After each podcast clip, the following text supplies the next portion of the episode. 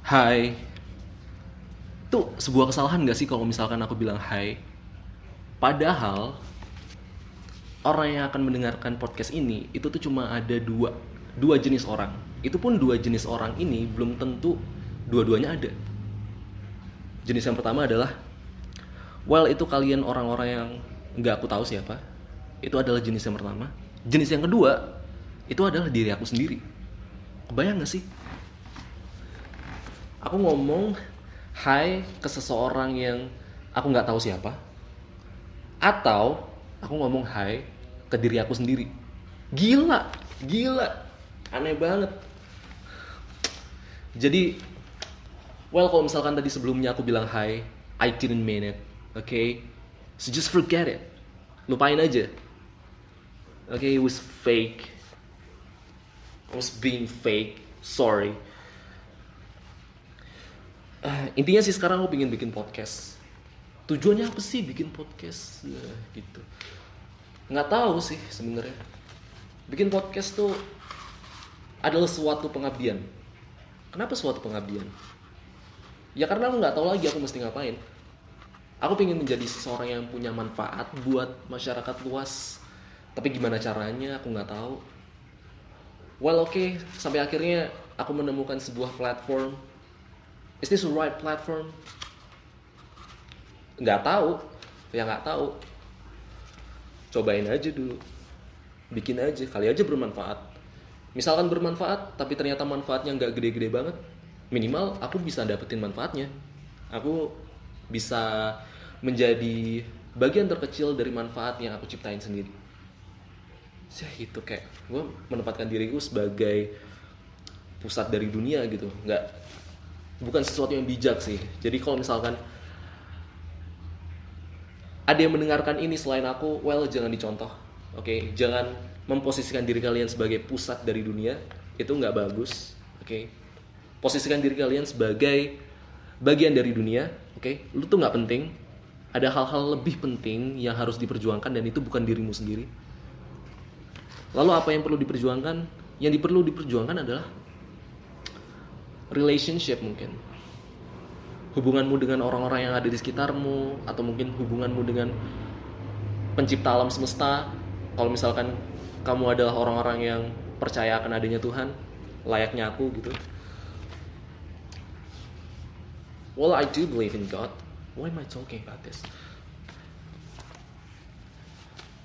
Intinya adalah jangan menempatkan dirimu sebagai sesuatu yang paling penting di dunia. Karena itu adalah sesuatu yang uh, sebuah kekeliruan yang sangat amat besar dan kelak kalau misalkan kamu bisa menjadi seseorang yang seperti ini terus kalian bertahan dengan posisi dan pemikiran seperti ini selama satu dua atau tiga tahun kamu akan sadar kalau misalkan ini ini sebuah kesalahan besar oke okay? lo akan dapat depresi stres anxiety karena pada kenyataannya lu bukan bagian dari dunia ini. Dan kalaupun lu bagian dari dunia ini lu bukan bagian yang penting. Lu bukan ada di pusatnya oke? Okay. orang-orang gak akan melakukan banyak hal cuma buat membuatmu bahagia. Well it will never happen. Jadi lupain aja. Kalau misalkan lu mau jadi bahagia jadilah bagian dari dunia oke? Okay? ambil ambil beberapa hal dari dunia yang kira-kira kamu bisa lakuin dan lakuin aja. Gitu sih. Dan mungkin itu yang sekarang aku sedang berusaha untuk lakukan dengan cara membuat podcast. Apakah podcastnya akan bermanfaat?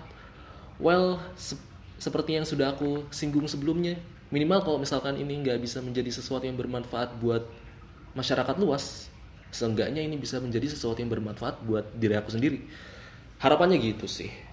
Oke jadi sekarang aku ingin bahas tentang nuklir. Nuklir yang umum aja sih. Jadi kalau misalkan kalau misalkan kita ngomongin tentang nuklir semua orang ingetnya pada bom Hiroshima dan uh, Fukushima dan Nagasaki. Kenapa salah? Sampai salah nyebutin coba. Orang-orang tuh ingetnya sama bom. Kenapa sih Padahal bom kimia itu jauh lebih banyak jumlahnya dibandingkan bom nuklir. Tapi kenapa kalau misalkan orang-orang ngomongin kimia, mereka ingetnya obat, mereka ingetnya pencuci pakaian gitu, deterjen, odol. Oke. Okay? Mereka nggak pernah inget tentang bom, padahal jumlah bom kimia itu jauh lebih banyak. Kenapa sih? Sedangkan bom nuklir itu yang bener-bener membuat bencana di dunia itu tuh cuma sekali doang.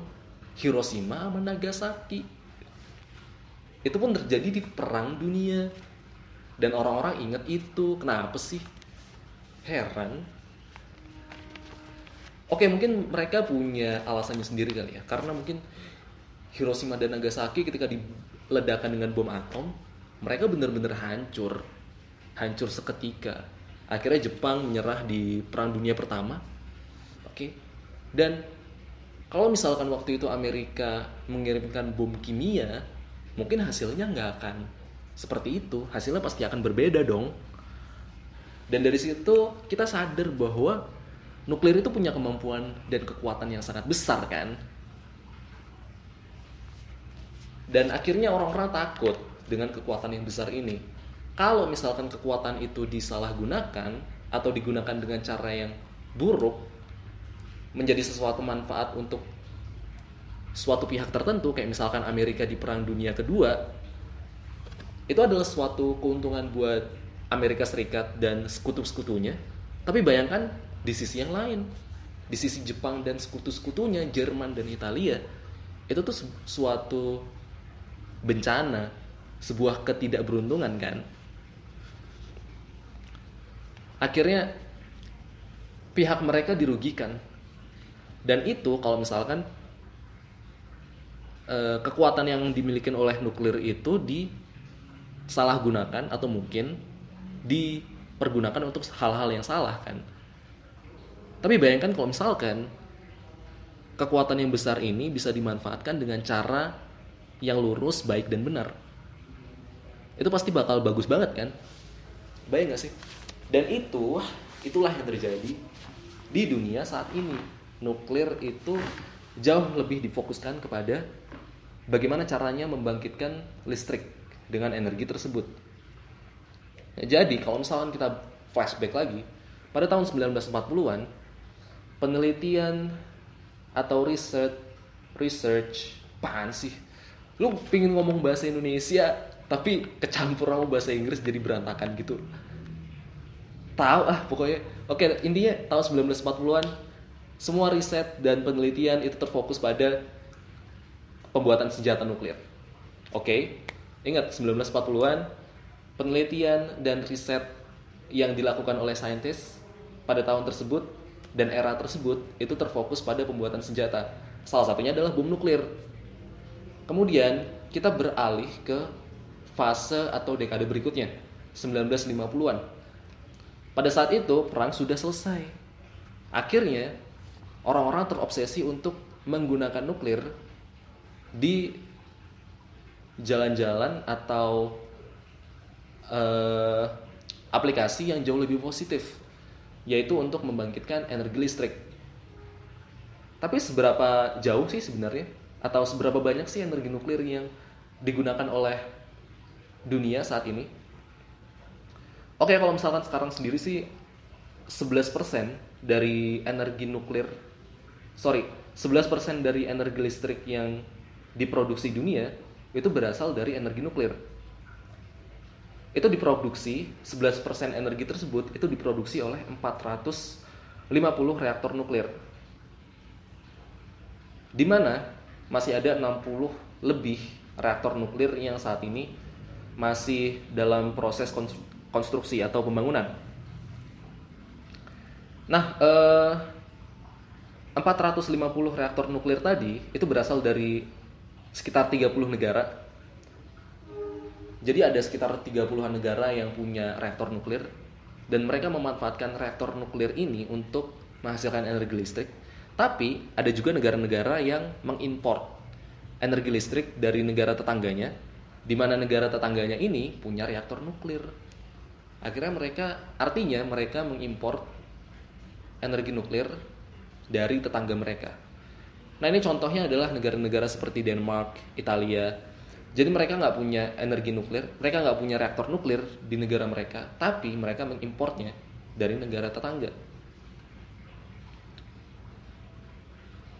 Jadi ya eh, penggunaan energi nuklir itu selalu meningkat tiap tahunnya. Jadi berdasarkan statistik dari tahun 2017, sorry dari tahun 2012 sampai tahun 2017 itu selalu ada peningkatan. Jadi uh, ya selalu ada peningkatan. Ya, intinya selalu ada peningkatan. Pada tahun 2012 misalkan itu ada 2345 terawatt hour energi nuklir yang diproduksi dalam tahun tersebut. Itu meningkat, meningkat, meningkat sampai pada akhirnya pada tahun 2017 itu diproduksi energi nuklir sebesar 2487 terawatt hour.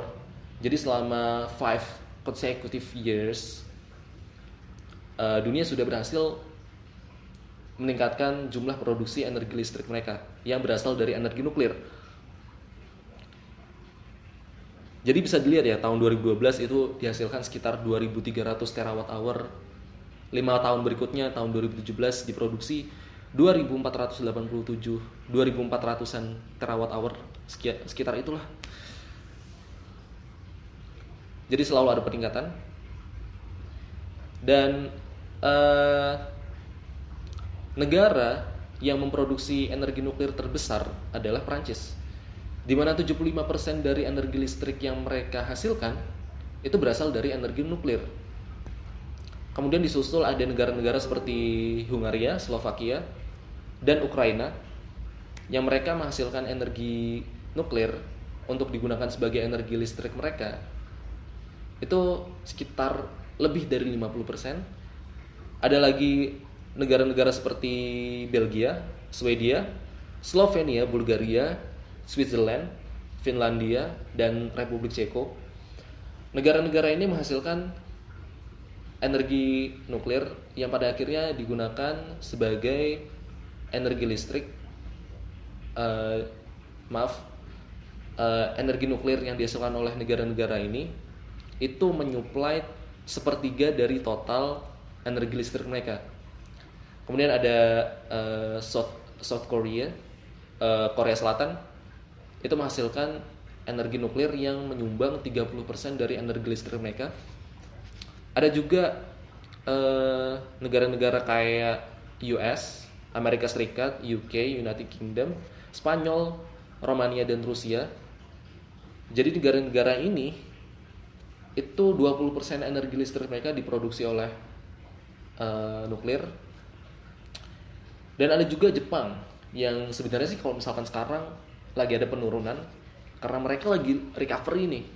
Jadi inget gak kalau misalkan tahun 2011 kemarin mereka punya bencana alam tsunami, yang akhirnya tsunami itu e, mengakibatkan kecelakaan di reaktor Fukushima. Akhirnya mereka recovery dong, mereka ada trauma gitu kan. Jadi dulu e, Jepang itu menggunakan energi nuklir untuk sumbangsih energi listrik mereka itu sebesar 25%. Tapi kalau misalnya sekarang ya karena mereka masih recovery mungkin ya. Jadi nggak sebesar 25% juga kalau misalkan sekarang.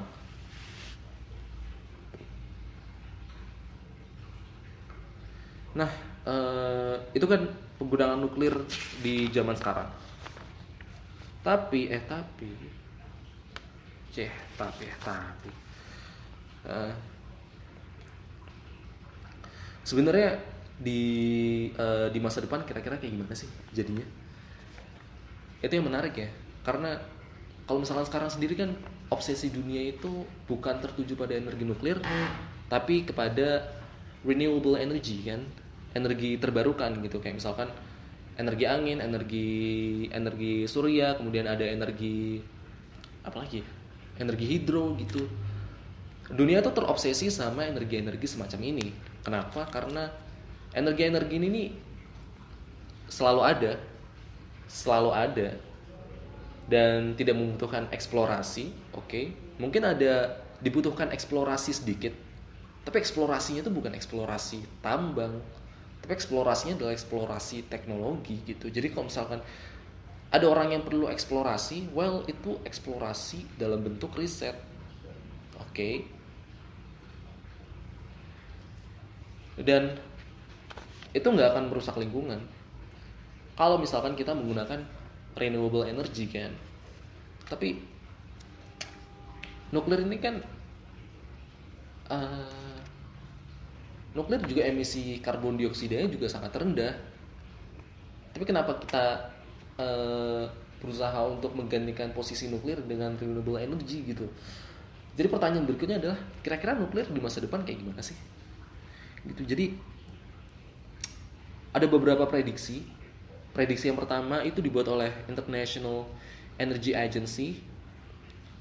Jadi pada tahun 2018 IEA atau International Energy Agency eh sorry IEA atau International Energy Agency dia ngebuat suatu prediksi ngebuat suatu prediksi yang dicantumkan di dalam salah satu uh, proposal atau mungkin laporan mereka yang diberi nama World Energy Outlook 2018 di situ mereka memberikan salah satu topik yang diberikan nama Sustainable Development Scenario.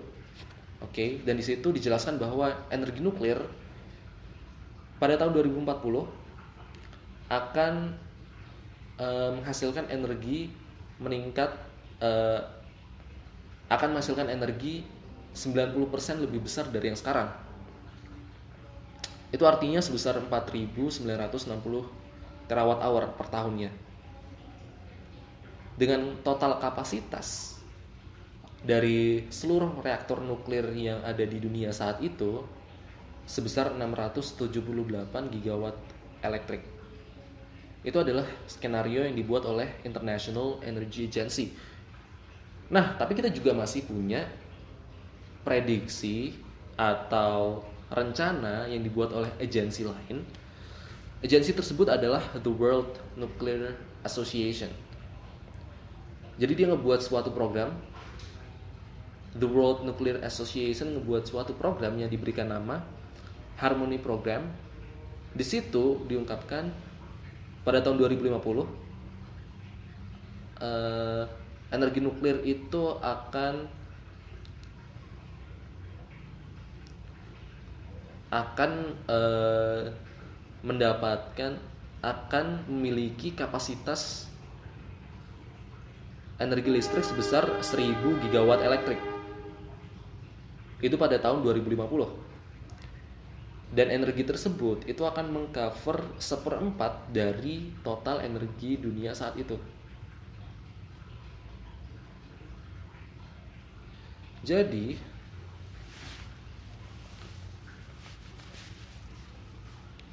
uh, kalau misalkan rencana ini berhasil, itu artinya dunia atau seluruh negara kalau misalkan dikombinasikan itu mereka harus ngebuat atau membangun wait a second. Eh sorry sorry. Gimana sih? Uh,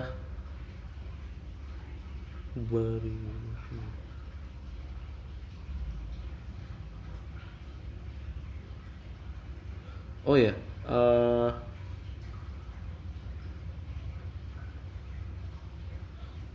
oh ya jadi iya yeah, bener sorry sorry. Nih tulisannya kagak jelas nih gue nulis kayak gimana sih? Eh jadi uh, jadi berdasarkan rencananya ya kalau misalkan rencana itu harus terrealisasi rencananya adalah pada tahun 2050 itu harus ada energi nuklir atau sorry ada reaktor nuklir itu dengan kapasitas 1000 gigawatt elektrik di seluruh dunia itu artinya kalau misalkan hal itu harus terrealisasi pada tahun 2021 itu harus diproduksi reaktor nuklir sebesar 33 gigawatt elektrik di seluruh dunia per tahunnya. Jadi per tahunnya harus selalu ada e, reaktor nuklir yang dibangun. Dan kalau misalkan dikombinasikan seluruh reaktor nuklir yang diproduksi dan dibangun pada tahun tersebut itu harus sejumlah 33 gigawatt elektrik. Sebenarnya angka 33 gigawatt elektrik itu banyak nggak sih? Well sebenarnya itu nggak banyak-banyak banget. Kalau misalkan kita berkaca pada tahun 1984, eh, energi eh, reaktor nuklir itu berhasil dibangun dengan kapasitas 31 gigawatt elektrik di seluruh dunia pada tahun tersebut. Dan berdasarkan rencana ini 33 gigawatt elektrik itu artinya cuma ada perbedaan 2 gigawatt elektrik. Dan itu nggak gede-gede banget. Kalau misalkan pada tahun 1984 aja seluruh dunia bisa ngelakuin itu, kenapa sekarang nggak bisa? Harus bisa dong. Jadi itu ya. Itu kondisi energi nuklir sekarang dan mungkin ada rencana di masa depan juga. Ya itu aja sih, aku cuma pengen ngomongin itu aja. Well, thank you kalau misalkan ada orang lain yang dengerin ini. Uh, good night.